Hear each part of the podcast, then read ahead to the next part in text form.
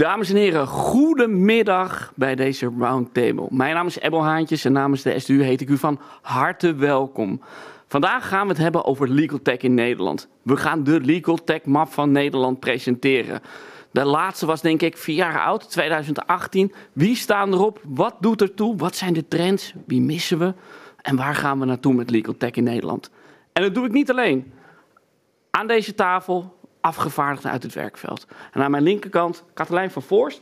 Ze is advocaat en oprichter van Yves. En Yves is een online juridische hulp bij geschillen. En tegenover haar zit Jaap Stikkelbroek. En Jaap Stikkelbroek is ook advocaat bij GRIP. Maar daarnaast ook co-founder van Blended Law. Eigenlijk een platform waar je voor een eerlijke prijs een goed juridisch advies kan krijgen. Ja, het klinkt heel erg verkooptechnisch, maar het ziet er wel heel erg mooi uit. Bedankt. En als we het over legal tech hebben, kunnen we niet om hem heen. Jeroen Sveers. Hij is de co-founder van Dutch Legal Tech. Uh, Vice President of de ELTA, weet ik zelf uit mijn hoofd ook nog wel.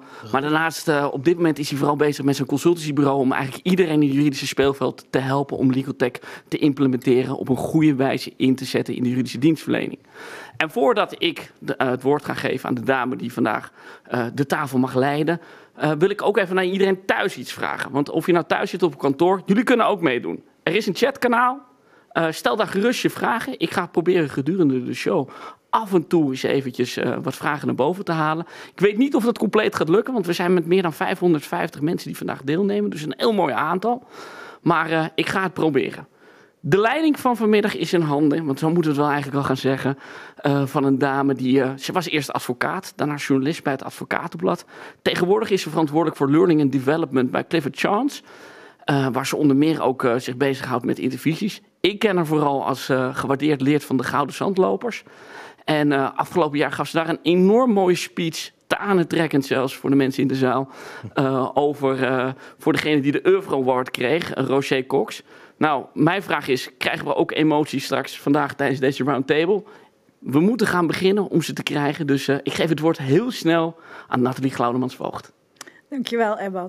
En dank jullie wel voor kijken. Fijn dat jullie er allemaal zijn aan tafel. We gaan beginnen. En Ebbo noemde het net al. Jullie kunnen ook meedoen thuis. Dus doe dat ook. En laten we meteen er een vraag ingooien. We gaan het over legal tech hebben. We gaan het hebben over hoe ziet dat landschap eruit? Waar lopen we nou tegenaan? Waar gaan we naartoe? Hoe kunnen we dit inzetten in de praktijk? Maar laten we beginnen met de eerste vraag. Wat is legal tech? Wat verstaan jullie onder legal tech? Laat het weten in de chat. En Ebbo houdt die in de gaten. En, uh, en als we uh, interessante inzichten krijgen vanuit jullie, dan nemen we die mee aan tafel. Maar begin even bij Jeroen. Toen ik uh, journalist was bij het Advocaatblad, noemde je jou ook wel Mr. Legal Tech. En um, ik wil graag weten van jou, wat versta jij onder legal tech? En ik, ik ga je even een, een richting induwen, want ik las een tweet van de week. En dat was iemand die in alle serieusheid zich afvroeg... Weet je, legal tech is toch eigenlijk niet veel meer dan wat je vroeger in Excel bijhield, nu in een mooiere interface zetten. Wat is jouw reactie? Wat is legal tech voor jou? Nou, dan heb je het echt over tech. Als je vraagt wat is voor mij legal tech? Legal tech is voor mij een omschrijving van veranderingen in de juridische sector. Dus innovatie in de juridische sector. Wat we heel erg nodig hebben ook in de juridische sector, denk ik. Want als je kijkt naar als sector, in de ontwikkeling, de economie, de maatschappij is heel erg aan het veranderen. Alleen de juridische sector verandert niet heel erg mee. Voor een deel begrijp ik het ook. Hè.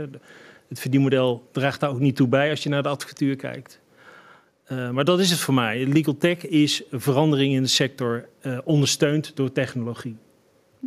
Ebbo?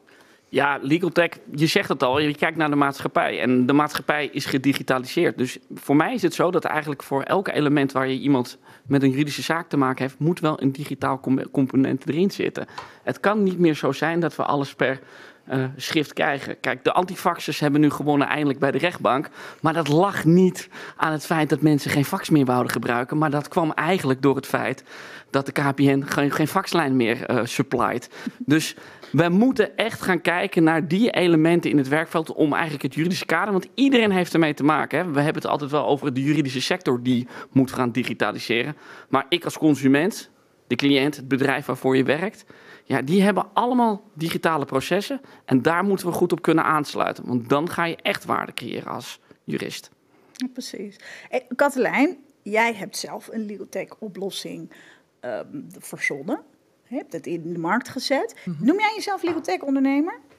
Nou, vind ik wel lastig. Uh, in, in, uh, op de manier waarop het nu wordt omschreven wel. Ik heb bij legal tech denk ik toch vaak aan hele slimme dingen. Ga je aan AI denken en zo. Maar ik vind legal tech, uh, zie ik ook wel als innovatie en gebruik maken eigenlijk van moderne middelen om juridische dienstverlening eh, eh, eh, beter te maken en voor jezelf ook gewoon makkelijker te maken, te vereenvoudigen, sneller te maken. Dus ja, in die zin ben ik wel, uh, gebruik ik wel legal tech. Of ben ik een, een legal, ja, wat zijn nou, legal techie? Ja, ja. legal tech hero. Hey, en Jaap, hoe is dat voor jou? Ja, ik denk wel een beetje hetzelfde. Het is uh, het is zoals Jeroen zegt, eh, denk ik, het, het gaat ook uh, vooral om een, een, nieuwe manier van dezelfde uh, dingen doen of dezelfde dingen anders doen. gedragsverandering, dat is een beetje de innovatiekant die je probeert op te gaan met ook technologische oplossingen. Dus ja, in die zin zijn we techies. Ja, ja. Er komt een vraag uit de chat. Wat, wat is er legal aan legal tech? En dan geef ik hem meteen even aan jou. Nou, wat is de tech aan legal? Nee, wat is legal legal tech? Ja, uh, ik denk dat je, als je technologische oplossingen hebt, uh, innovatieve oplossingen die heel goed toepasbaar zijn, ook in het juridische veld, dat je dan die legal tech kunt noemen. maar ik kan me ook voorstellen dat sommige tools die voor legal tech worden gebruikt ook best goed inzetbaar zijn voor, voor andere takken van sport. Jij, jij hebt hier ook een mening over, toch, Jeroen? Ja, weet je als, je, als je kijkt, voor mij is het ook niet altijd legal tech. In, in de tijd dat ik nog voor een advocaatkantoor werkte, waar wij juridische afdelingen ondersteunden, ondersteunden in, in transformatie, keken we ook naar producten die niet de, het label legal tech hadden. Maar ik zei altijd chargerend. Uh, het kan een product zijn wat uh, door kinderdagverblijven gebruikt wordt. Maar misschien heeft het een waarde voor mijn cliënt als je naar het proces van mijn cliënt kijkt uh, daarin. Dus het gaat om de waarde die, die het in het proces, in vaak het juridische proces van, van corporate in-house departments uh, kijkt. Daar kan het een waarde brengen. En ja, dat hoeft niet. Maar Jeroen, maar moet het gewoon legal tech heten, omdat het anders niet door de legal industrie geaccepteerd wordt? Zeker, zeker. Ja, en dat is ook. Kijk, als je naar de, naar de map kijkt, daar gaan we zo op terugkomen nog. Dan zul je daar ook niet de, de office tech-achtige producten zien. Dus we hebben daar geen document management systeem op staan. We hebben daar geen practice management systeem op staan. Dus het is het, het, zijn vooral producten die juristen helpen, vanuit, ook vanuit een inhoudelijkheid vaak, in hun, in, in hun, nou ja, hun, hun, praktijk eigenlijk. Om je praktijk op een leukere en betere manier te doen. Ja, daar wil ik zo nog verder op doorgaan. Maar Jaap, eerst even terug naar jou. Kan jij vertellen hoe jij begonnen bent? Want je, je bent advocaat, je Ja. was advocaat. Nog steeds? Precies. En, en lid van het college van afgevaardigden, um, eh, kunnen we het zo meteen ook nog even over hebben. Maar jij bent Blended Law begonnen. Kan je daar eens wat meer over vertellen? Hoe we dat begonnen zijn? Ja. Eh, waarom? Ja, ehm, God, hoe zijn we dat begonnen? Ehm, dat is eigenlijk begonnen met, eh, de- met het kantoor waar ik mee bezig was, GRIP. En eh, GRIP was bedoeld als een andere vorm van samenwerking tussen advocaten. En de bedoeling was, het idee was dat je dan ook op een andere manier vanzelf de klanten ging bedienen. Het idee was dat je meer klantgericht zou zijn. En nou was een heleboel wat goed ging en er waren ook dingen die misgingen. Maar uiteindelijk, eh, dat ene doel, dat kregen we dat niet echt mee voor elkaar. Toen dachten ja, misschien doen wij ook iets fout. Want we zijn eigenlijk een platform, een soort van platform ingericht kantoor aan het bouwen voor advocaten. Dus wij bedienen de advocaat. Dat is een denkfout. We moeten natuurlijk ook echt de klant gaan bedienen. Dus toen zijn we gaan denken, wat, wat voor platform kunnen we dan maken voor de klant? Wat wil de klant echt? En eh, in het hele eh, spectrum van dienstverlening dachten wij, waar de klant, MKB-klant in ons geval het meeste, echt het meest mee gebaat is, is eh, heldere oplossingen voor vaste prijzen. En dat transparant maken, zodat mensen ook echt kunnen kiezen en iets met elkaar, met elkaar kunnen vergelijken. Ja, precies. Zo is de platform begonnen. En dat heeft een parallel volgens mij met hoe jij begonnen bent, toch Katelijn? Met Yves. Ja, dat heeft wel parallellen. Vooral inderdaad dat, dat klantgerichte. Ik, ehm, ik ben begonnen bij de brouw, waar je natuurlijk heel erg eh, eh, alles groot en verwend en, en tijd. En er is heel veel geld, dus er is ook heel veel tijd. En, en dat is twintig jaar geleden. Tien jaar werk ik nu eh, eh, in een kleiner verband, dus voor, voor MKB. En daar kom ik gewoon heel veel eh, klanten tegen die zeggen: Ik ga niet anderhalf jaar in, een, in, een, in een rechtszaak zitten. En dat is niet alleen klein MKB, dat is ook echt groot MKB, die gewoon een aantal juristen in dienst hebben.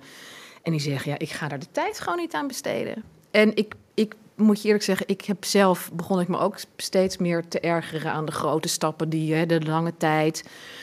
Nou ja, we kennen het allemaal. Na drie kwart jaar eh, kom je nog eens, eh, eh, zie je nog eens een rechter. En toen zag ik de arbitragewet, de gewijzigde arbitragewet uit in 2015, las ik een artikel over. En die is dus gewijzigd om arbitrage te stimuleren. En dat hebben ze gedaan, overheid gedaan door ehm, dwingende recht heel veel eruit te halen en, en, en heel veel partijen eh, aan partijen over te laten. Dacht ik, dat is het. Daar, daar moet ik op gaan zitten. En eigenlijk het eerste wat ik heb gedaan is een vriend bellen die niet jurist is, maar die ik nog ken van Talpa. En die kon daar eigenlijk alles wat analoog is omzetten in eh, digitaal en interactief. Dus heb ik gezegd, jij moet mij helpen om, nou ja, dit was denk ik in 2018, om, om die rechtspraak, die arbitrage hier, eh, hè, eh, eh, nou ja, 2018 in te krijgen. En, en dat digitaal en alles te gebruiken wat we, wat we, wat we aan tech kunnen. En dat was heel goed, niet alleen daarom, maar ook omdat hij natuurlijk eigenlijk aan de klantzijde denkt. Dus hij ging tegen mij zeggen: Hoezo kan je zo'n eerste oriënterend gesprek met de arbiter niet gewoon via videobellen doen? En ja, eh, nou ja, dan hebben wij, ik hoor ieder, alle advocaten aan, het, eh, op kantoor al denken, nou ja, je moet met elkaar in een ruimte zitten. Nee, maar dat wil ik helemaal niet en ik ben de klant en ik betaal. Ik wil dat van achter mijn bureau doen. Nou, dat soort ehm, gesprekken hebben wij in het begin heel veel gevoerd. En dat, eh, daar ben ik me daardoor heel erg van bewust geworden. Van, wij zijn gewoon eigenlijk ehm, een leveranciersgedreven dienst. Wij bepalen hoe Ja. wij de dienst leveren. Terwijl, dat moeten we gewoon eigenlijk veel meer aan de klant overlaten. We moeten veel meer kijken wat, wat de klant wil. En Embo, jij hebt zelfs gesprekken met de klanten van jouw klant. Ja, nou ja, dat vind ik ook wel erg belangrijk. Hè? Want wat, wat, wat, wat we vaak zien is, eh, nou, je zegt het heel goed, hè? we zijn een, lever, een leveranciersdienstverlening. We brengen iets van A naar A en eh, die brengt het weer van B naar B naar C naar C. Naar, en zo gaat het maar door. En we zetten het niet eigenlijk helemaal in een keten neer. Dat is niet meer van deze tijd. Uiteindelijk moet je gewoon kijken van hoe kan je het verpakken dat als wij iets naar jou toe brengen, Katelijn, dat jij het ook op een juiste wijze, wel met jouw eigen sausje doorheen, maar op een goede manier al bij eh, jouw klant neer kan zetten. Waardoor je eigenlijk ook alleen maar die elementen toevoegt waar jij echt waarde in het proces hebt. En daar kijken wij dus ook. Een voorbeeld daarvan is, eh, is Evident, wat we nu op de markt hebben neergezet. Is een digitaal aanhoudsregister. We hebben het vanuit het notariaat bekeken. En ja, daar hoor je dan van, hé, hey, dat is mooi, digitalisering. We hebben het altijd eh, weer bij ons. Want het aanhoudsregister, voor wie het kent, is voor 75% van de tijd is hij kwijt. Eh, dus het is ideaal. Het zit in de cloud. Ja, Jaap, je lacht erom, maar het is echt zo. Het Die is er nooit. Nee. Nee, het, en het is niet volledig, je kan het niet vinden. Maar uiteindelijk wil je dat de klant dat gaat gebruiken. Want ja, klinkt misschien raar, en ik hoef het hier niet te zeggen, maar de juridische dienstverlening, als ze iets in papier kunnen behouden, behouden ze het graag in papier. Ehm, en dus we zijn ook met die klant gaan praten van ja, hoe kan dit boekje jouw meerwaarde zijn? Want nu ligt het boekje bij jou in een la en je doet er niks mee. En die zegt ja, eigenlijk eh, zou ik het ook willen delen, kunnen delen met mijn accountant. Eh, in de wet staat dat ook een aandeelhouder inzage moet krijgen. Dan moet ik altijd weer gaan zoeken, eh, delen. Dus we zijn gewoon dus gaan kijken van hoe kan je meerwaarde in dat hele proces leveren. Niet alleen voor degene die, nou ja, de jurist die ertussen zit, maar ook de werkelijke klant die uiteindelijk het eindproduct krijgt. En dan ga je ook met elkaar, ja, gaat, gaat zo'n juridische legal tech oplossing echt leven. Het moet echt voor iedereen toegankelijk zijn. Je noemde Evidence al even. Hè? Jullie hebben ook een, een belang genomen in Bluetick. Daar gaan we vast nou ja, zo belang, meteen- partnership. eh, Partnership. Excuus, dat precies formuleren. ja, je moet het heel goed formuleren.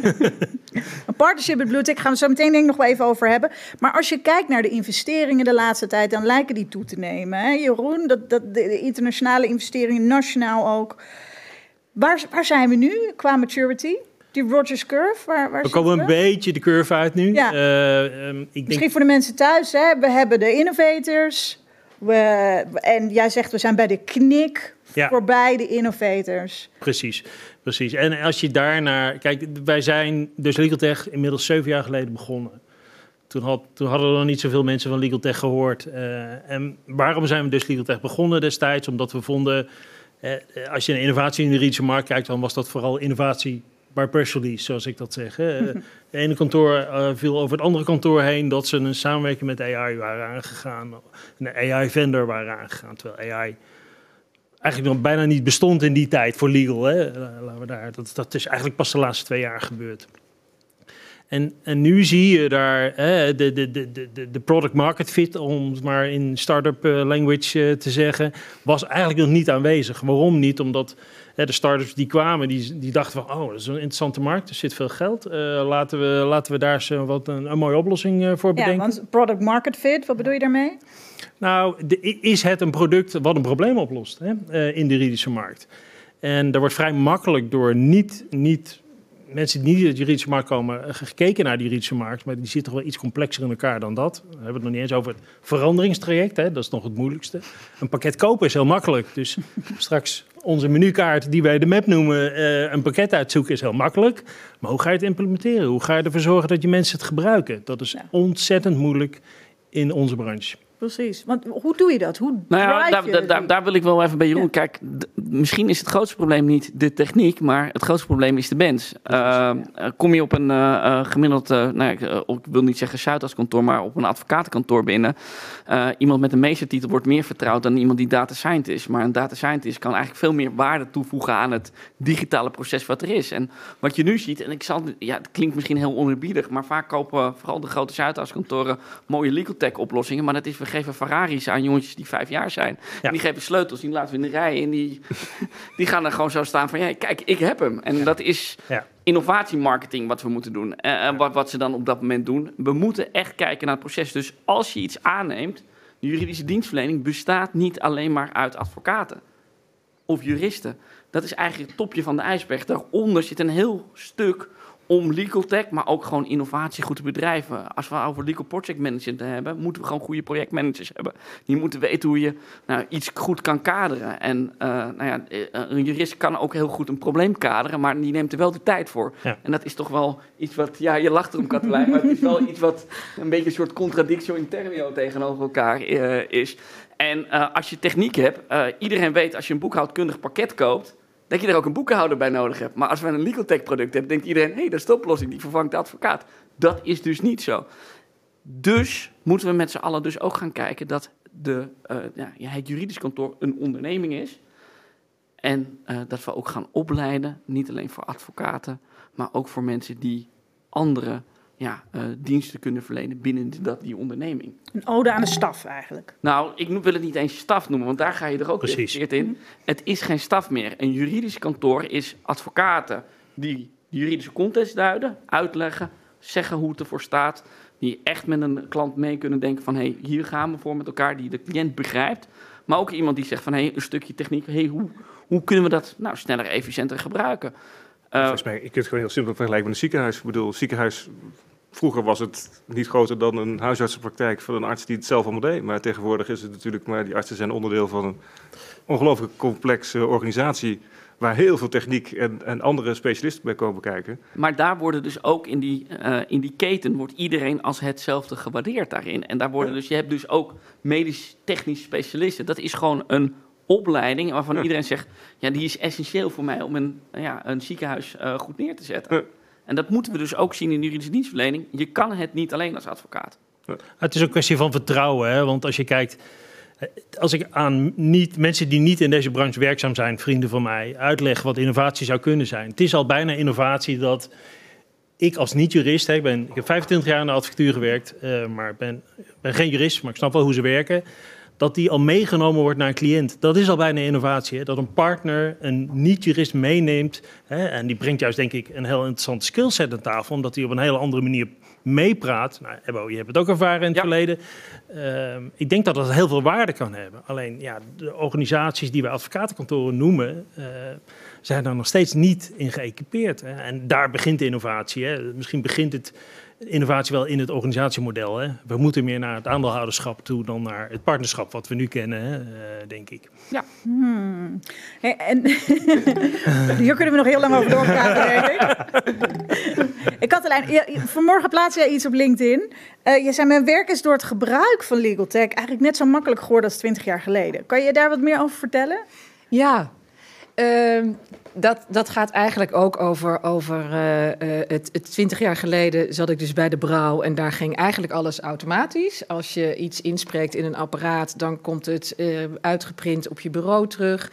En nou helemaal natuurlijk als je, als je partner bent en je, hebt een, een, je wil iets opzoeken, iets juridisch moet je opzoeken, dan gooi je dat in een trechter en dan komt het in een notitie komt het weer terug.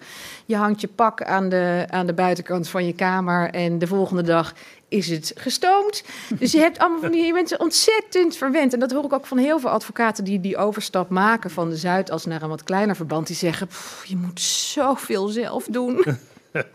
je stapt gewoon echt een beetje de realiteit in. En ehm, ik vind dat, dat dat soort dingen wordt nu gewoon heel veel makkelijker gemaakt. Je hebt nu ook, eh we hadden het Docsflow, die, die, je, je stopt eh, een, een, een document in je, in je computer en het rolt gewoon met tabbladen en index rolt het je printer uit. En eh, nou, je kan bij wijze van spreken met Word gewoon dicteren.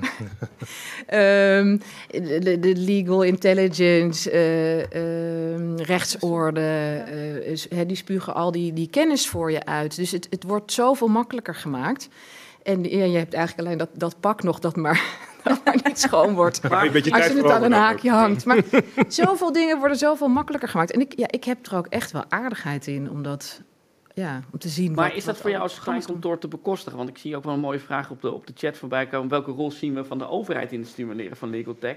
Kan me, ja, weet je, een groot uh, Zuidas-kantoor heeft een wat makkelijker budget om eh, al die toepassingen eh, eh, tot zich te nemen dan eh, jij als tweepitter. Ja.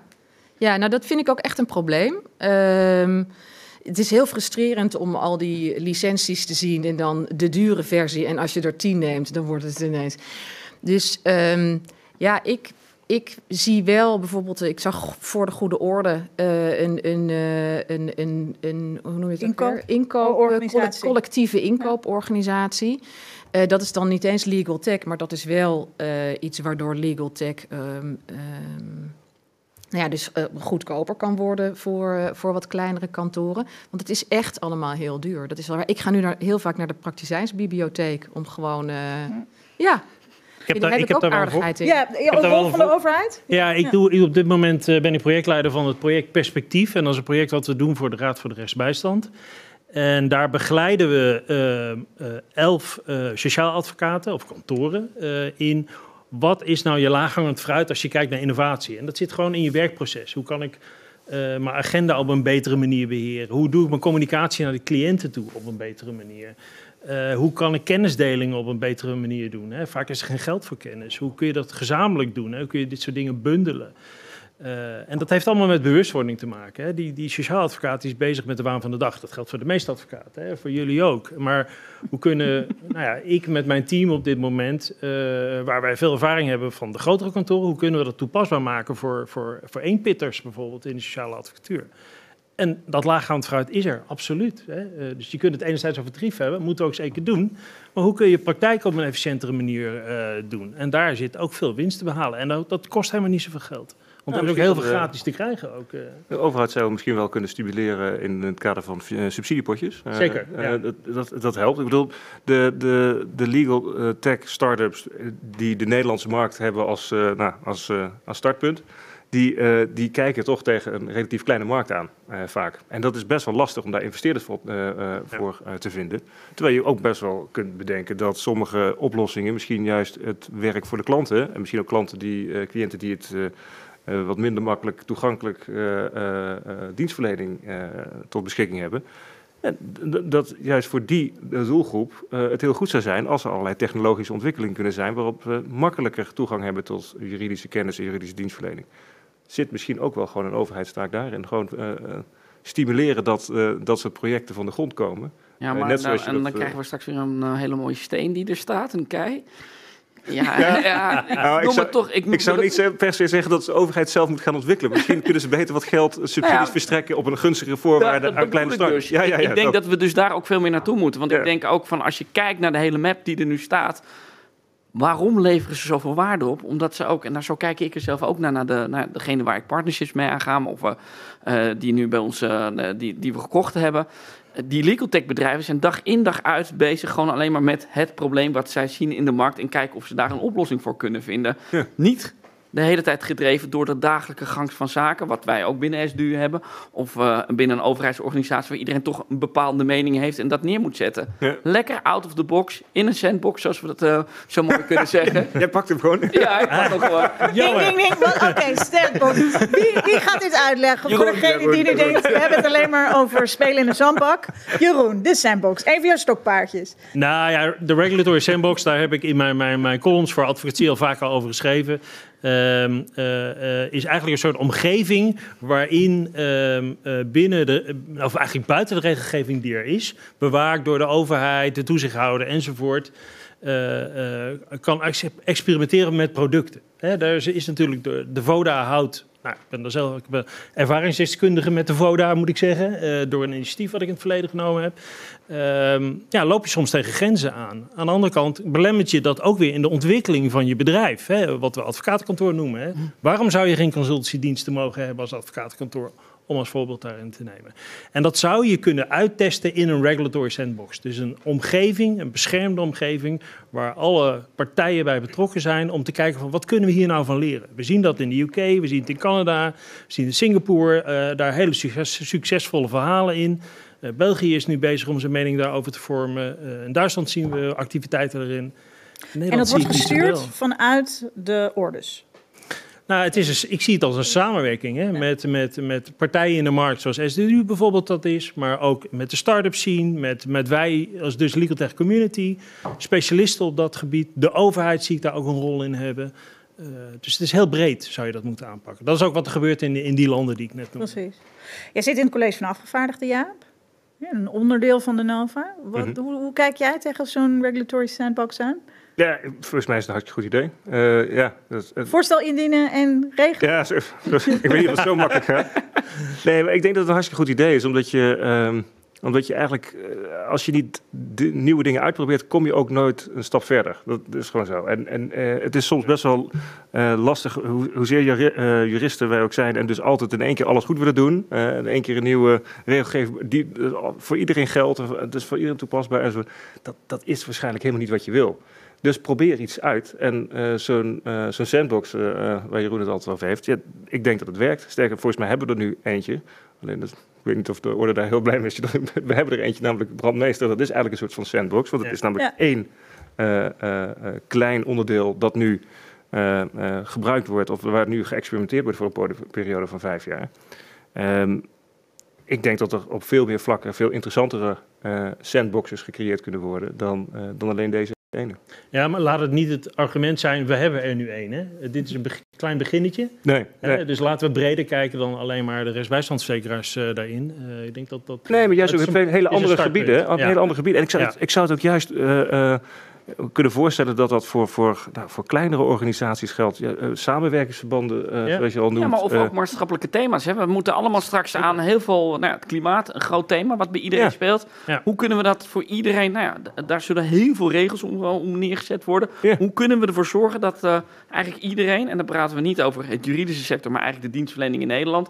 Ja, goed om kan gaan met die wet en regelgeving. Ja. absoluut. Ja. We hebben al een paar uitdagingen benoemd die, die jullie tegenkwamen hè, bij het ondernemen. Katelijn, kan je, er, kan je nog wat noemen waar je tegenaan liep toen je met Yves begon? Ehm, eh, ook al een beetje genoemd, ehm, eh, juristen. Jezelf dus. Echt ook mezelf, ja, ja, ja. Ik heb ook echt bij de compagnon waar ik het net over had... die me echt af en toe een spiegel voorhoudt van wat, wat, wat, wat een onzin. Eh, maar eh, ja, juristen, we, we, we hebben gewoon allemaal de neiging om, eh, om onmiddellijk op zoek te gaan naar het detail... eh, de, de uitzondering en het risico. Ehm, en en, en, en echt een gebrek aan, aan, dat zei pas iemand, dat je niet een, eh, een, een IQ eigenlijk moet hebben, maar een DQ. Gewoon dat je een, een doe-factor moet hebben. Ja. Ja. Ehm, We praten te veel, we doen te weinig. ja, nou, we denken misschien te veel. En we, we doen te weinig. Dus, ehm, durven te weinig. we durven te weinig. Dat is ja, durven en doen ja. is het, is het Ja. denk ik. Daar, daar loop ik echt, echt wel tegenaan. En gewoon een, een, een aantal aannames die wij hebben als... ja, toch een soort eh, eh, autoriteit op bepaalde gebieden van nee, dat zit zo. En ja, heel vaak zit het gewoon niet zo. Of blijkt uit onderzoeken dat wij helemaal niet zo goed zijn in, in elkaar inschatten als we bij elkaar aan tafel zitten. Want dat is bijvoorbeeld iets hè, wat, wat iedereen vindt. Nee, je moet met elkaar in één ruimte zitten. En uit onderzoek blijkt dat wij zelf allemaal vinden dat we een ander heel goed kunnen inschatten. En dat is niet zo. En we vinden ook eigenlijk dat een ander ons niet zo heel goed kan inschatten. Ja. Dus, en dat, dat heb ik ook. Dat moet ik ook van mezelf toegeven. Dat heb ik ook. Ehm, dus, en er zijn ook allerlei onderzoeken waar, waaruit blijkt dat eh, ja, soms een, een, een computer gewoon een, een betere uitspraak kan doen dan een, dan een rechter. En nou wil ik niet meteen zeggen... Ho, Ik ken die ho, ho, vonnissen. Nee, dan heb je het over hele gespecialiseerde, hele speciale eh, casussen natuurlijk. Maar ja, ehm, we, moeten veel meer durven en doen. En ik weet zeker dat iedereen die nu zit te kijken op kantoor en thuis denkt van ja, dat, dat vind ik ook. Maar het- je moet het echt, het begint echt bij jezelf. Ja, oeh, Weet je, een gekke aard van het beestje is voor juristen, of zeker als je het over advocaten hebt, denk ik. Wij denken altijd dat we, als we de juiste argumenten maar naar voren brengen, we kunnen overtuigen. En eh, het gekke is, als je een, eh, dat is mijn ervaring geweest in ieder geval, als je een, een start-up begint, als je een bedrijfje begint en je probeert wat, je kunt nog zo overtuigd zijn, maar soms werkt het gewoon niet zo. Moet Dus je gewoon moet gewoon- geloven. Je moet gewoon kijken wat er terugkomt als Ja. feedback. Welk, Ja. Wat werkt wel, wat werkt niet. En dan blijkt het gewoon heel anders te zijn. En dan denk je, maar dat kan helemaal niet, want ik was er zo. En dit is zoveel beter voor de consument. Die wil echt dit, wat je net ook zei. Eh, de, de klant wil zus. Of, en het blijkt gewoon anders te werken. En dat, dat zit gewoon niet echt in het aard van ons beestje. Wij willen toch graag, eh, dat moet je leren, denk ik. Maar zit dat dan ook in de, onder, nou, ik noem het de onderneming of dus de maatschappscultuur eh, waar we dan nog aan zit het daar ook in dat je dat in Ja. Dat we ja je blijft toch in dat kokertje zitten van eh, Ja, ik denk dat op zich, ja, ik denk het wel. Ik denk dat, dat eh, je van nature ook in een werkomgeving zit en werk doet waarvan je in ieder geval het eerste wat je wil doen is je wilt het niet verkeerd doen. nee, Ja, ja. Dat is het. En je wil je Ja. klanten ervoor behoeden dat je verkeerd. Je, zit heel, je denkt eigenlijk heel veel defensief, ook, al, ook als je aanvallend bent, zal ik maar zeggen. Je probeert het vooral niet verkeerd te doen. En eh, het gekke is dat als je, als je iets nieuws wil opzetten, ja, dan moet je, de- durven, dan fouten moet je- maken. Dan moet je een heleboel dingen gewoon proberen, Ja. waarvan je eigenlijk van tevoren al weet, er gaan ook een heleboel dingen verkeerd. ja, maar daar leer je juist van hè. En dat is dus, eh, dat is, dat is gewoon tegen natuurlijk. Dus misschien zit het veel meer, eh, de rem zit veel meer in dat soort zaken. Ja, maar het, zi- het zit ook wel in gemak, hè, denk ik. Men is ook wel verwend. Het, het, het, het werk loopt automatisch naar binnen als ik even naar wat grotere kantoren kijk. Eh, zeker als je naar commodity werkt. Standaard werk wat gewoon gedaan wordt door grote kantoren tegen iets te hoge tarieven, naar mijn idee. Hè. Eh, Kijk eens naar mij. iets verleden, ja, je bent de moderator. Eh, als voorbeeld daarin, eh, we hebben ooit een keer eh, iets ontwikkeld voor, eh, voor, eh, voor een eh, bepaalde klant van een kantoor. En eh, ging daarmee naar de partner toe en zei, nou ja, weet je, dit, dit is misschien een hele mooie oplossing voor die klant. Toen zei die partner tegen mij, ja, maar als ik dat ga doen, dan, dan heb ik geen werk meer. Tenminste, dan valt een groot deel van mijn werk weg. Ik zeg, maar ja, weet je, als je dit niet oppakt, dan is jouw werk sowieso over twee jaar weg. Dus blijf nou gewoon in gesprek met die klant door dit werk op een slimmere manier te gaan doen. En dat is een beetje de tendens die je ziet in, in, de, in de advocatuur over het algemeen. En ik snap het voor een deel ook, hè, omdat het gewoon het verdienmodel werkt nog goed. Alleen, er is ook door corona, is die klant wel een stuk volwassener geworden en staat daar veel meer druk op. En opeens is de klant in de lead als het gaat om juridische innovatie. Want dat is wat er nu gebeurt op dit moment. Daar, ja, daar zijn we al. Dat, daar zijn we al. daar- dat is wat er nu gebeurt. Ja. Jij hebt het hele ehm, eigenlijk legal tech landschap in kaart gebracht. Daar gaan we zo eventjes naar kijken. Maar eerst wil ik nog wat vragen uit de chat behandelen. En eentje die voorbij kwam is: legal tech, is dat eigenlijk nou niet een, ja, een bezuiniging in plaats van een vernieuwing? Ik zie jou lachen, Jeroen. Ja, dat is een veel gehoord argument. Ja? Het is een bezuiniging. eh, ehm, nou, ik denk dat legal tech een, een middel is waardoor jij je praktijk op een slimme manier kunt doen. La- laat ik een voorbeeld daarin noemen. Als je naar corporate in-house kijkt. Eh, eh, Lin Legal is een product die automatisch bijvoorbeeld NDA's, DPA's kan, kan checken of je ze wel kunt ondertekenen. Dus Een self- self-service product wat je aan de business kunt aanbieden. Kijk, uiteindelijk zeg ik tegen die council, jij wordt daar ook niet gelukkig van dat je de 431ste NDA gaat reviewen. Hè? Dat is niet waarom je jurist bent geworden. Je bent jurist geworden om juridisch uitdagend werk te doen. Gebruik dit soort middelen om dat te kunnen doen. Nee, maar dat is, eh, daar heb je helemaal gelijk in. Maar ook als je gewoon naar het werk van de advocaat kijkt en ziet welke taken je er allemaal bij hebt gekregen naast het advocaat zijn. Zeker. Als je, eh, nou, eh, know your customer, de WWFT, eh, weet ik Ja. weer, eigenlijk dat gehele proces. Eh, je helpt jezelf, maar ook de cliënten mee om dat op een eh, slimme, eenvoudige eh, manier te doen. Ja. Waardoor je wel aan de voorwaarden voldoet, hè, want daar sta je ook wel echt voor. Als poortwachter om te kijken van, hé, hey, eh, wat gebeurt er? Eh, wie is die cliënt en eh, wat komt die doen? Maar laten we die processen eromheen ja, vereenvoudigen. Want de cliënt heeft ook nog een beetje het gevoel dat hij dan voor iets betaalt waar hij eigenlijk niet voor komt. Hij komt voor Ja. een juridisch probleem. Hij komt niet ervoor dat hij gecheckt moet worden, wat vanuit Europa verplicht is. Absoluut, Ja. absoluut. Wat denk jij, Katelijn, in legal tech? Is dat meer een bezuiniging dan per se een innovatie? Ik denk misschien allebei. ik denk dat in allebei wel wat zit. Ehm, ik denk dat, eh, nou ja, dat heel veel eh, secretariële processen ehm, tech worden. Ja. Ehm, Ja.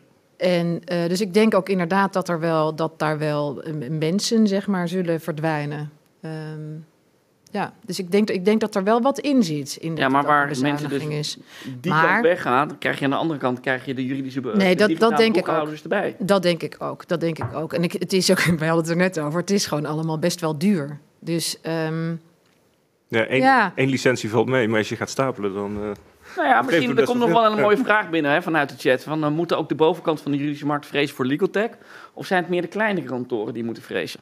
Oh, dat is juist de bovenkant. bovenkant, ja, Ja. denk Ja, ik nou ja, wat, Katelijn net zegt. eh, eh, vroeger moest je bij de brouw werken om fantastisch geserviced te worden door iets eh, eh, in te praten en je krijgt een notitie eh, geleverd.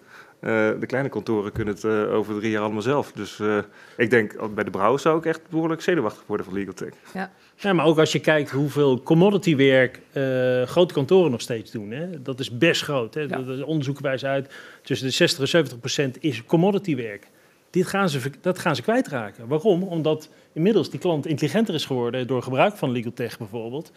En zullen dat voor een deel gaan automatiseren. en Jeroen, moet, dan nog, dan moet je dan nog naar een advocaat of kan je gewoon naar een legal tech service provider? Of dus, eh, het- Oh, dus oh, oh, alle- oh. Ja, ja, ja, nee, maar even, ja, de alternative legal service providers, die zijn er ook. En dat zie je Ja. ook, want er staat, ja, er staat, ik heb nog nooit in het BW kunnen lezen dat een contract door een advocaat gemaakt moet worden. Nee, ik denk dat het heel reëel is dat er ook gewoon veel meer concurrentie komt. En weet je, ook dat is, eh, dat is eigenlijk hetzelfde thema. Het, het, het leuke werk blijft over, zo zou je het ook kunnen zeggen. Ja. Eh, dat werk, het, leuk, het andere is ook leuk werk, maar dit werk vi- eh, vinden veel advocaten vinden juist dat technische, strategische, eh, dat vinden ze veel, eh, veel interessanter. Ja. En dat, dat blijft ook gewoon over. Dus het is alleen maar een uitkomst, Ja. eh, denk ik. Laten we even naar die legal tech map kijken. Hè? Want daar, daar heb je veel tijd aan besteed. Vier jaar geleden hebben jullie er ook een uitgebracht. Misschien kunnen we hem ook even op het scherm krijgen, krijgen voor de mensen thuis. In de chat komt ook een link naar waar jullie hem kunnen vinden. En dat zal uh, Ebbo misschien nog wel vertellen. Nog op andere plekken zal deze verschijnen. Maar Jeroen, neem ons even mee in wat we hier zien. Nou ja, we, zien, we zien het legal tech ecosysteem op dit moment in Nederland. En eh, natuurlijk zal dit niet compleet zijn, maar dat is de eerste opmerking die je dan daarin krijgt. Uh, wij gaan dit uh, elk half jaar opnieuw uitbrengen. Dus mocht je jezelf niet terugvinden hierin en je vindt, hier, vindt dat je hierop thuis hoort, laat, me dat, laat me dat weten. We hebben dat opgedeeld in, in een aantal categorieën. Ehm, ja, hoe is dit ontstaan? Misschien is het ook nog wel goed om, ja. om het daarover te hebben. Wat ik al zei, we zijn zeven jaar geleden, Jelle van Venen en ik zijn zeven jaar geleden dus LegalTech opgestart. Met name om vanuit een praktisch oogpunt veel meer uh, partijen bij elkaar te brengen en te praten over juridische innovatie. Uh, en niet vanuit een mediaperspectief uh, daarover te praten. Wat we toen heel snel gezien hebben, is dat met name de start-ups op dat moment bijna niet binnenkwamen bij advocatenkantoren. Ik, ik noem het altijd zo, hè, als je de Zuidas schetst, dan staan daar allemaal kastelen uh, met, een, met een gracht eromheen. Uh, en als, als er een start-up staat, dan staat de ophaalbrug omhoog, want dat is een risico-element. Toen hebben we gedacht van laten we, laten we een, een, een start-up, de Dutch Legal Tech Startup Award beginnen hierin. met name om te zeggen, oké, dit zijn goede start-ups die je vindt in Europa. er waren veel minder start-ups dan op deze map staan onder andere op dat moment. Um, en we zijn dat begonnen, we hebben dat inmiddels drie keer gedaan. En hebben daarna gedacht van oké, okay, het, het, ecosysteem wordt steeds groter. En in 2018 hebben we de eerste map, map uitgebracht. Uh, we vonden het nu tijd, na corona, ik zeg al van nadruk na corona, ja. laten we hopen dat dat sowieso is, uh, uh, om, om eens een nieuwe visie daarop uit te brengen. En dat, dat is wat je hier ziet. als, je, als je dat vergelijkt met 2018, dan zien we echt een groei van 70%. En dat past ook wel bij als je naar, eh, naar dus in, absolute aantallen, hè, meer bedrijven daarin. Ehm, dat past ook wel bij, bij het investeringslandschap. Hè. Dat, dat is echt heel substantieel aan het groeien ook. Ehm, waar groeit het dan? Hè? Eh, nou ja, wat heel erg voor de hand ligt zijn natuurlijk eh, alles in het AI-ecosysteem. Ik, ik zei straks al, ja, we roepen al heel lang AI in het legal veld, maar AI bestond, bestaat pas heel kort in het legal veld. Eh, ja, misschien bij e-discovery, M&A-transacties, daar werd AI wel gebruikt. Maar we zien nu eh, een aantal voorbeelden. Bluetick is daar een mooi voorbeeld van, die in de brede praktijk van een jurist gebruikt eh, kunnen worden. Dus hè, niet afhankelijk wat voor rechtsgebied. Als je alleen maar M&A doet, dan kun je, dan, dan kun je natuurlijk dit ook gebruiken. Maar Wat doet Bluetick? Misschien moet je dat even vertellen. Bluetick helpt juristen in beter zoeken. Dus completer zijn in hun zoeken. Dus als het gaat om jurisprudentie eh, enzovoort. We, hebben nu, eh, we zitten nu onder andere in rechtsorde. Dus het helpt juristen in beter zoeken in rechtsorde eigenlijk. Op een hele vergelijkbare Google manier. Dus niet op keyword, maar gewoon concrete vragen stellen. En die vragen vergelijken ook met andere jurisprudentie. Sluiten we daar dan ook niet meer aan bij de, hoe de consument nu denkt? Want we, het, het Ja. oude zoeken wat we hebben, en het is misschien ook wel leuk om over deze map iets, dat was mijn vraag meteen, hè, van, eh, als consument, nou elk jaar veranderen we wel van telefoon, eh, we zien alles Ja. digitalisering om ons heen gaan. Nou, je zegt wel 70% is erbij gekomen, mooie groei. Maar eh, het is nog wel heel moeilijk, en daar hebben we, nou, wij spraken er vanmorgen met z'n tweeën nog eens even rustig over, van hoe kunnen wij als consument wel die verandering steeds meemaken? Je hebt een mooi eh, Remarkable voor je neus liggen, dus dat is, eh, dat, dat is al gedaan. Maar hoe kunnen we dat, ja, dat juridische speelveld, hoe gaan we die nou meekrijgen dat die ook die verandering gaan doen? Dat ze die, ja, die techniek gaan ontarmen, zo snel ook dat ze dat in hun privé-situatie ook doen. Ja, nou, herkenbaarheid creëren e- enerzijds. Hè. Dus eh, zoals wij onze televisie kopen op Coolblue... Hè, door een hele gelikte in- interface en een goed serviceniveau... eh, zou je dat ook op het juridisch model los kunnen laten natuurlijk. Dus herkenbaarheid, weinig, weinig trainingen. Jaap heeft daar al een oplossing voor. Eh, eh, en, en dat is zeker zo. Ehm, eh, dus ook een product aanbieden waar we niet enorme trainingen voor moeten doen. We hebben in het verleden wel voor, ook voor een cliënt een, een product gemaakt... waar gewoon nul training voor. Oh ja, herkenbaarheid creëren. Hè. Zo kunnen we kunnen gelijk starten met dit product. Maar ook inspelen op de problemen die er zijn. En je ziet natuurlijk de, de, de traditionele claimpartijen. Hè. Eh, Een mooi voorbeeld daarvan is Objection natuurlijk. Hè, die heel erg inspeelt op het consumentengevoel. En wat voor waarde zou je daar Maar kunnen leveren? ook, dat is het ook het mooie van Objection, die hebben dus, nou, ik noem het niet de maas in de wet, maar die hebben de wet goed gelezen. Hetzelfde wat Katelijn heeft gedaan. En daardoor ook Zeker. ervoor gezorgd dat eigenlijk, ja, door een, di- een digitaal platform, het, eh, zeker voor de consument, want dat zie ik ook vooral in die map, Ja. eh, het makkelijker is om eh, tot het recht te komen. Het is interessant wat je net zei over dat, eh dat evident, dat jullie daar hebben nagedacht over hoe je die eindklant meekrijgt. Maar eigenlijk richt je op de eindklant en de notaris, juristen kunnen gewoon helpen. Ja. En die kunnen dat systeem ook gebruiken, maar het systeem zelf is eigenlijk gericht op de eindklant. En als we meer zo gaan denken, dat die juridische tech-oplossingen misschien ook meer gewoon echt op die eindklant gericht zijn, volgens mij zitten we dan op de goede kant. Ja, maar dat zie je ook. hè. Als je kijkt naar, het, eh, naar de bedrijfsjurist, die was vroeger was hij de huisarts. Hè. Als er een probleem was, weet ik weer in het bedrijf, dan, eh, ja, dan moesten ze even daar langs. Het was, werd de afdeling nee ook wel genoemd. Hè.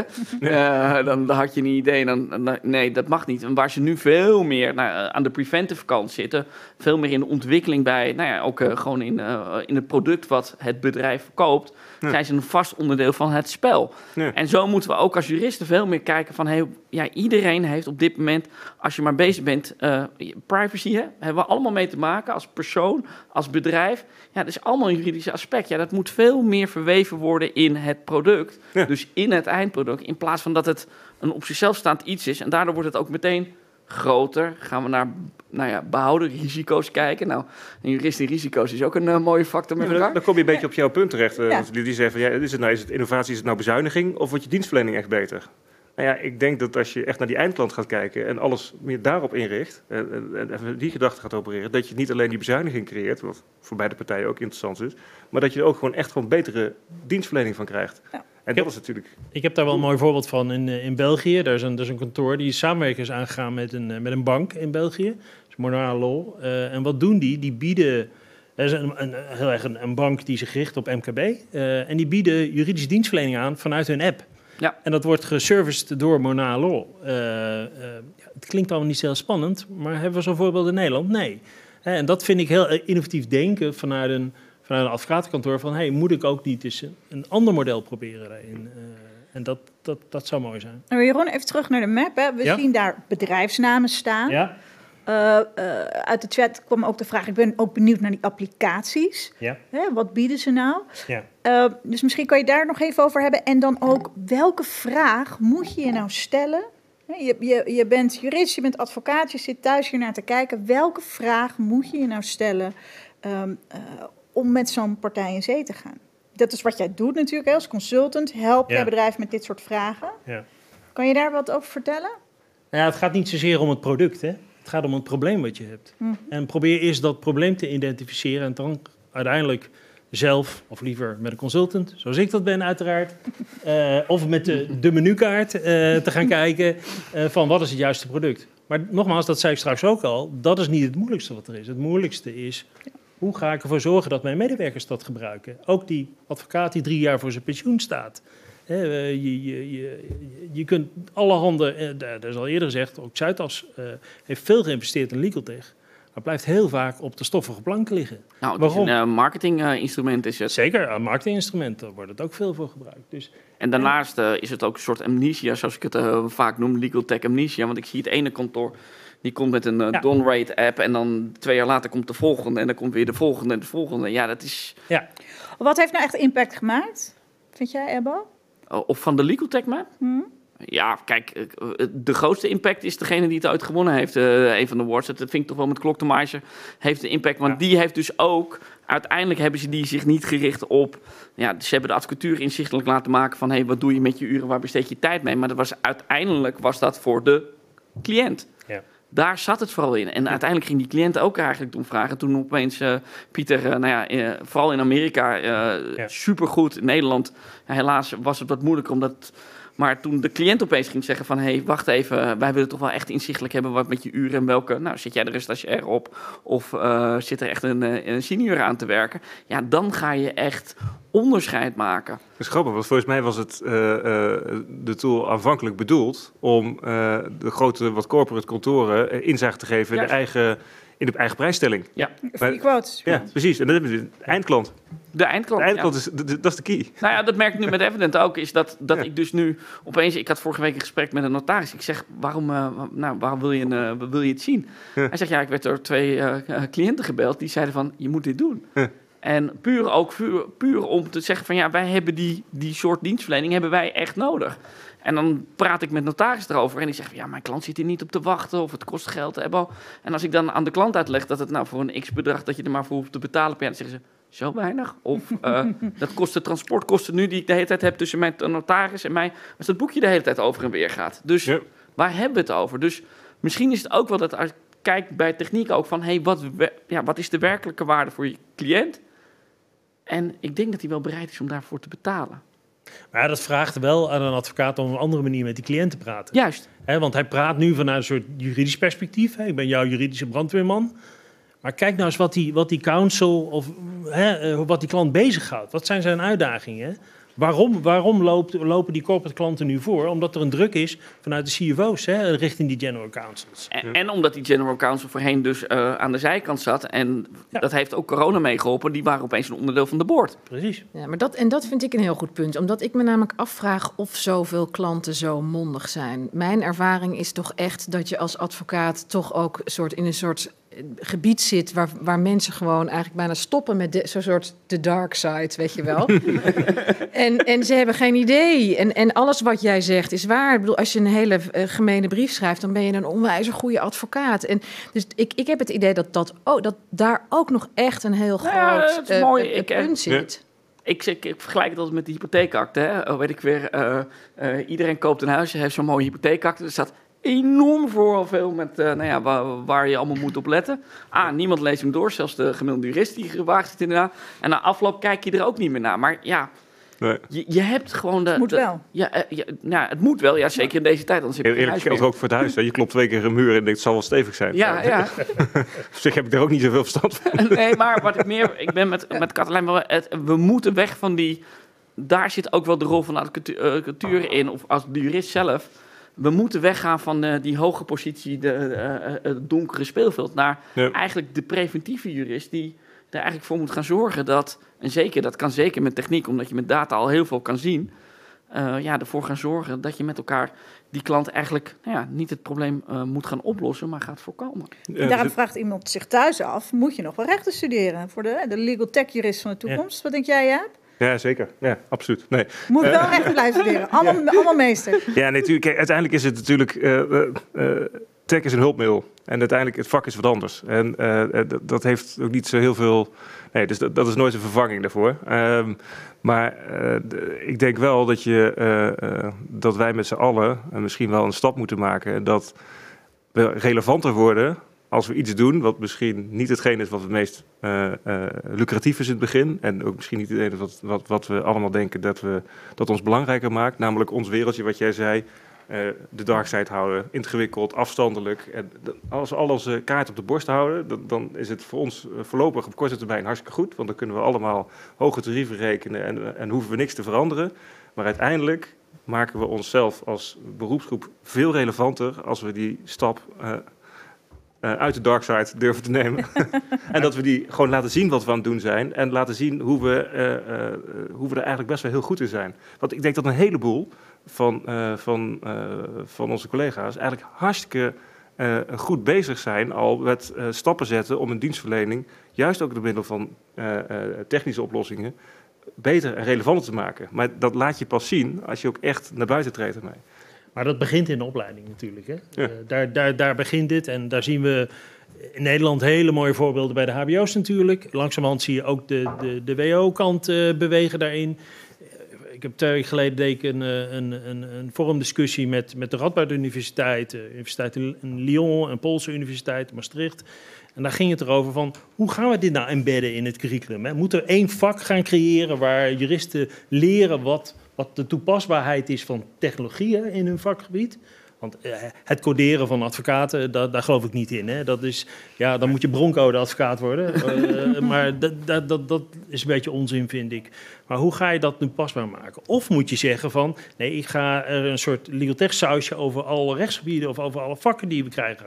Nou, mijn idee is, begin nou eerst met dat eerste vak, hè, want anders moeten we nog een keer tien jaar wachten voordat dat echt embed is in het volledige curriculum. Eh, en, en, en experimenteer daar, eh daarmee. Ja, maar Jeroen, misschien eh, als, als iemand ook die rechten heeft gestudeerd, waarom ga je rechten studeren? Omdat je eigenlijk niks hebt met Nee. wat in Delft gebeurt, weet je? Ja, dat- daar komt het wel eigenlijk op neer. Ja, ja daar, daar komt het wel op neer. Ja, sorry dat ik het zeg. Maar dus ik denk ook dat we veel meer moeten gaan stimuleren dat we die beta-gangers ook die kant op krijgen. En dat begint dus al bij nou ja, de voorlichting op het WO. Van hey, het is niet alleen maar het rechtspreken, het uitleggen, maar we hebben er ook een stuk techniek bij nodig. En het HBO dan? Jij begon er al over. Zie jij toekomst voor de HBO-jurist als een, als een legal tech specialist? Katelijn? Eh, ja, eh, ja, zeker. Ja, waarom niet? Meer de Ja. praktische approach. Ja, eh, ja. Ja, en ik, ik denk ook, Ebo, dat, dat het dat, dat we, dit, dit, wij zijn natuurlijk ook best gedateerd al. Hè? De, de, de- degenen die nu gaan studeren, die groeien veel meer op met tech. En die zitten misschien te kijken naar ons van. Wat, wat is dit voor Welke achterlijke oudjes? toestand? Waarom, waarom zit dit nog niet in mijn, eh, in mijn curriculum? Ja, Ehm, en en ehm, nee, maar ik denk zeker dat dat, dat, dat iets is voor, eh, voor HBO. Maar kan de eh, orde daar misschien daar ook nog een rol in spelen? Want zou die ook niet kunnen zeggen van... hé, hey, wij vinden... eh, ja, eh, weet ik weer, we moeten allemaal proceservaring hebben.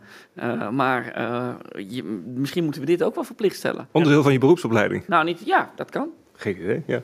Nou ja, ik zie het in de discussie over sociale advocatuur terechtkomen ook. Daar zeggen sociale advocaten, ik wou dat we dat inderdaad in die, in die beroepsopleiding wat meer eh embed hadden. Want, Ja. hè, of dat we punten kunnen halen voor dit soort, dit soort trainingen. Ja. Dat zien we Je ziet helemaal het, eh, niet. hè. bij de belastingadviseurs begint dat al eh, onderdeel van de punten te worden. Hè? Dus we- er wordt al op gestuurd. Ja.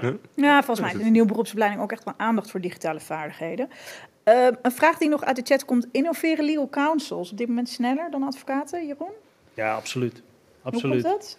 Eh, nou ja, wat ik al zei, hè, door, door, gedreven door, door corona. Ik, ik noem corona altijd de, de grootste IT-workshop die we ooit gehad hebben. Eh, en eh, en dat, dat geldt zeker voor, voor, voor de legal counsels eh, daarin. Staan ook nog notabene een keer onder druk, wat ik al straks zei, onder CFO. Doe je werk efficiënter, slimmer. en daar zien we dus steeds meer budget komen. Lastig is daar wel van, ja, dat ze dan maar heel mondjesmaat mensen aannemen die een andere skillset hebben. Eigenlijk hetzelfde probleem als bij de advocatenkantoren. En we hebben allemaal de mond vol van legal ops, maar eh, ja, vaak zie je toch commissies die... Legal eh, operations. ja, ja, legal operations, sorry. Ja. Mensen die dus juristen ondersteunen in zo'n afdeling met dit, het gebruik van dit soort eh, tooling. Ehm, eh, maar dat, dat zit nog echt nog wel in de beginfase. Eh, vaak zie je innovatiecommissies hè, die eh legal tech moeten gaan implementeren binnen hun eh, bedrijf. Eh, en dan komen ze erachter dat dat toch echt wel een vak is. Hè. Eh, het is wat anders dan een jurist zijn eh, binnen, binnen een corporate. En dan, dan huren ze nou, mij bijvoorbeeld als coach in eh, daarin. Dus er is nog wel heel een gebrek aan kennis. eh, maar ze gaan zeker harder dan de advocatuur gaat op dit Ja. moment. Ja. Ik denk dat in de advocatuur de kleinere kantoren misschien eh, eh, op momenten wel eh, beter en harder gaan dan de grotere kantoren. Ik denk dat de Ja. kleinere kantoren namelijk eh, makkelijker beslissingen kunnen nemen. Zeker. En die kunnen makkelijker zeggen, joh, wij zijn met z'n vieren, met z'n vijven, wij nemen deze tool. We proberen het gewoon uit. En, anders, en probeer zo'n beslissing maar eens... kijk, als wij, als wij van een tijdschrijfsysteem zouden moeten veranderen, dan worden we zelf al heel erg ongelukkig. Dat, dat, dat ga je niet snel doen. Maar stel dat, dan heb je met, met een man of vijf dat te beslissen. Moet je bij de Zuidas niet Ja, proberen. dat is- ben je- Ja, daar weet niet van alles van. dat, eh, ja. Dan moet je 200 man meekrijgen. Dat is Ja. verschrikkelijk. Dus. Volgende keer moet je ook eens uit als advocaat zitten. Even dat perspectief ook in, be- in beeld krijgen. Hey jongens, we hebben nog maar een paar minuten. Dus het, het- tijd om af te ronden krijg ik door. Ehm, ik heb nog één vraag voor jullie allemaal. En eh, ik haak aan bij een column die eh, Jeroen laatst gepubliceerd heeft. En want je verwees naar een onderzoek van Thomson Reuters. De State of the Legal Market. Ehm, en het blijkt uit dat onderzoek dat 20% van de respondenten zich eigenlijk graag bezighoudt met implementatie van legal tech. Ehm, ze vinden het niet nodig en ze vinden het niet leuk, concludeerde Jeroen. Maar Katelijne, wat mist die 80%? Wat maakt dit leuk? Ehm, ja, ik, ik, oeh, dat vind ik best wel een moeilijke vraag. Ja, ik hou sowieso van tech. Ik vind, vind alle tech aardig. Ehm, wat maakt het leuk? Misschien moeten die mensen gewoon eens een keertje toch ehm, die, die, die dicteerknop in Word aanzetten. en gewoon eens gaan dicteren tegen een, En het tegen, gemak tegen ervaren. een laptop. Ja, ga- het is gewoon lollig. Dat ding doet gewoon wat jij zegt. Dan verschijnen er woorden. Ja, ik vind dat soort dingen gewoon magisch. En ja, voor jou? Waarom is dit nodig en waarom is dit leuk om je hiermee bezig te houden? Ja, ik denk zelfs uiteindelijk wordt je werk leuker. En, en beter, denk ik ook. Ik denk dat je beter in je, in je, in je vak wordt. En, eh, je kunt ehm, meer tijd besteden aan de dingen die het echt leuk maken. Ehm, en tegelijkertijd heb je nog een geinig ding dat de computer je dictaat uit. Nou, dat is fantastisch natuurlijk. Nee, het, is, het maakt je werk leuker en je wordt er beter van. Nee, en Jeroen, jij, jij concludeerde ze vinden het niet nodig en niet leuk. Ja, nou ja, weet je, dat, dat, dat zit natuurlijk een beetje in de mens. Hè? Eh, een gemiddelde jurist is eh, risicomijdend erin. Dus kent het woord experimenteerdrang ook niet, zou ik haast zeggen. Dat komt niet in dat woordenboek voor. En als je dat nou meer, meer, hè, meer experimenteert, dan zul je zien dat het leuker is. Je praktijk wordt leuker, precies wat Jaap zegt. Je de kwaliteit gaat omhoog.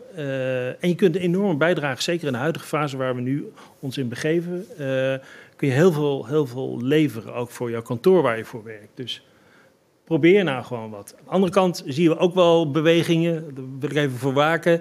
Het is niet met start-upjes spelen. Oh, dat is zo leuk om met start-upjes te spelen. Kijk wel welk probleem je hebt en wat, wat je daar Ja. met technologie mee zou kunnen doen. Ja. Want ik zie heel veel kantoren wel dingen met start-ups doen, maar dat zit voor mij in eh, ook een soort sandbox met start-ups te spelen. Nee, maar- het, het probleem is kennelijk dat de- deze mensen dus niet zien wat het ze oplevert. Ja. En dus je kan wel zeggen, het levert je wat op, maar Ja. wat dan? Nou ja, dan, dan moet je de juiste begeleiding zoeken daarin, denk ik. En dan, eh, Ja. die helpt je dan daar op een andere manier naar kijken. Denk Ja, ik. dat is juist product zoeken. Maar ik ben het daarmee eens. Ja. je, weet je, je bent heel makkelijk als consument natuurlijk. Dan ko- koop je iets wat het mooiste verkooppraatje heeft. Maar dat wil niet zeggen dat je het echt nodig hebt. Nee. Ik bedoel, je, iedereen heeft zijn huis vol liggen met dingen die hij niet nodig had. Ja. Je kantoor moet je niet vol hangen met technologie die je niet nodig hebt. Maar Ja. je moet wel gaan eh, kijken naar die oplossingen die je werk gewoon echt gemakkelijker maken. Ebbo, voor jou het laatste woord. Ja, het laatste woord. Nou ja, ik denk dat je er niet meer omheen kan gaan. Eh, we dragen nu al 30 jaar digitalisering met ons mee. Eh, het is niet zo meer dat je een papiertje in een archief stopt en er niet meer naar kan kijken. De klant verwacht ook af en toe dat je terug kan kijken, dus dat je erin kan zoeken, dat je het toegankelijk kan krijgen. Maar we krijgen ook straks steeds meer erbij. Ik noem het project Navis, dat noemde ik van de week tegen de, de rechtspraak die mij erom vroeg van hey, hoe kijken jullie tegenaan dat we straks eh, van 5 naar 75 procent van de uitspraken in Nederland gaan. Ja, hoe gaan we dat duidelijk maken? Hoe gaan we dat duiden? Dan moet je kunnen zoeken. Dan moet je met techniek om kunnen gaan. Want het zou toch verschrikkelijk zijn dat als je bij die rechtbank staat... en dat jij tegenover iemand staat die wel dat ene uitspraak heeft gevonden en jij niet. Dus ik denk, je kan er niet meer omheen. Er is een hele goede start-up voor, overigens. Die Ja, ja, nee, ja, dat snap ik. Heeft iedereen zijn bloed in kaart of Genoeg reclame. Eh, we hebben nog één minuut en we gaan Dan hoef afsluiten. je helemaal niet meer naar de rechtspraak. Dat Nee, nou ja, daarom juist. Nou, dat helemaal zo. Zeker, ja, Ik wil iedereen aan deze tafel hartelijk bedanken. Volgens mij hebben we een hele mooie discussie gehad. Ehm, en voor degene thuis, ook jullie dank eh, in de chat. Jullie vragen zich af naar de map. Eh, hij staat op dit moment op dutchlegaltech.nl. Kan je hem terugvinden. Hij is op advocatie.nl te vinden. Eh, voor degene die bij zichzelf denken, dit ging allemaal wel heel erg snel. Ik wil dit nog een keer rustig nakijken. Dat kan. Denk nou nu binnen nu en in een week eh, zal op eh, sdu.nl en op via LinkedIn, via SDU en ik denk ook wel via de Instagram en Twitter. de hele uitzending kan je dan gewoon weer nog een keer nakijken. Dus doe dat vooral. Begin maart komt het Advocacy Magazine uit. En eh, voor degenen die eh, denken van... hé, hey, ik wil die map in papier hebben... want ja, juristen houden toch nog wel van papier. Hij zit daar heel groot in. Je kan hem eruit halen. Je kan hem ophangen boven je bureau. Ehm, en voor de mensen die denken van... hé, hey, wat gaan we nog meer met de innovatie doen met SDU? Nou, heel simpel. Gouden zandlopers komen eraan. Eh, straks wordt ook bekendgemaakt. Aan het eind zie je nog een filmpje van... hé, hey, wanneer kan je...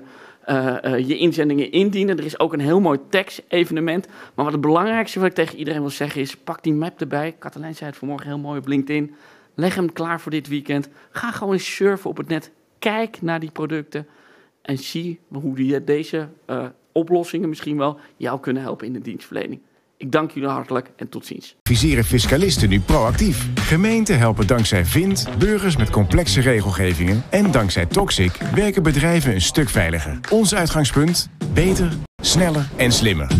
De geschiedenis werd geschreven, nu programmeren we de toekomst. Met een toegewijd team van vooruitdenkers maken we samen met de klant de mooiste dingen waar. Jouw innovatiepartner. SDU. De tijd vooruit.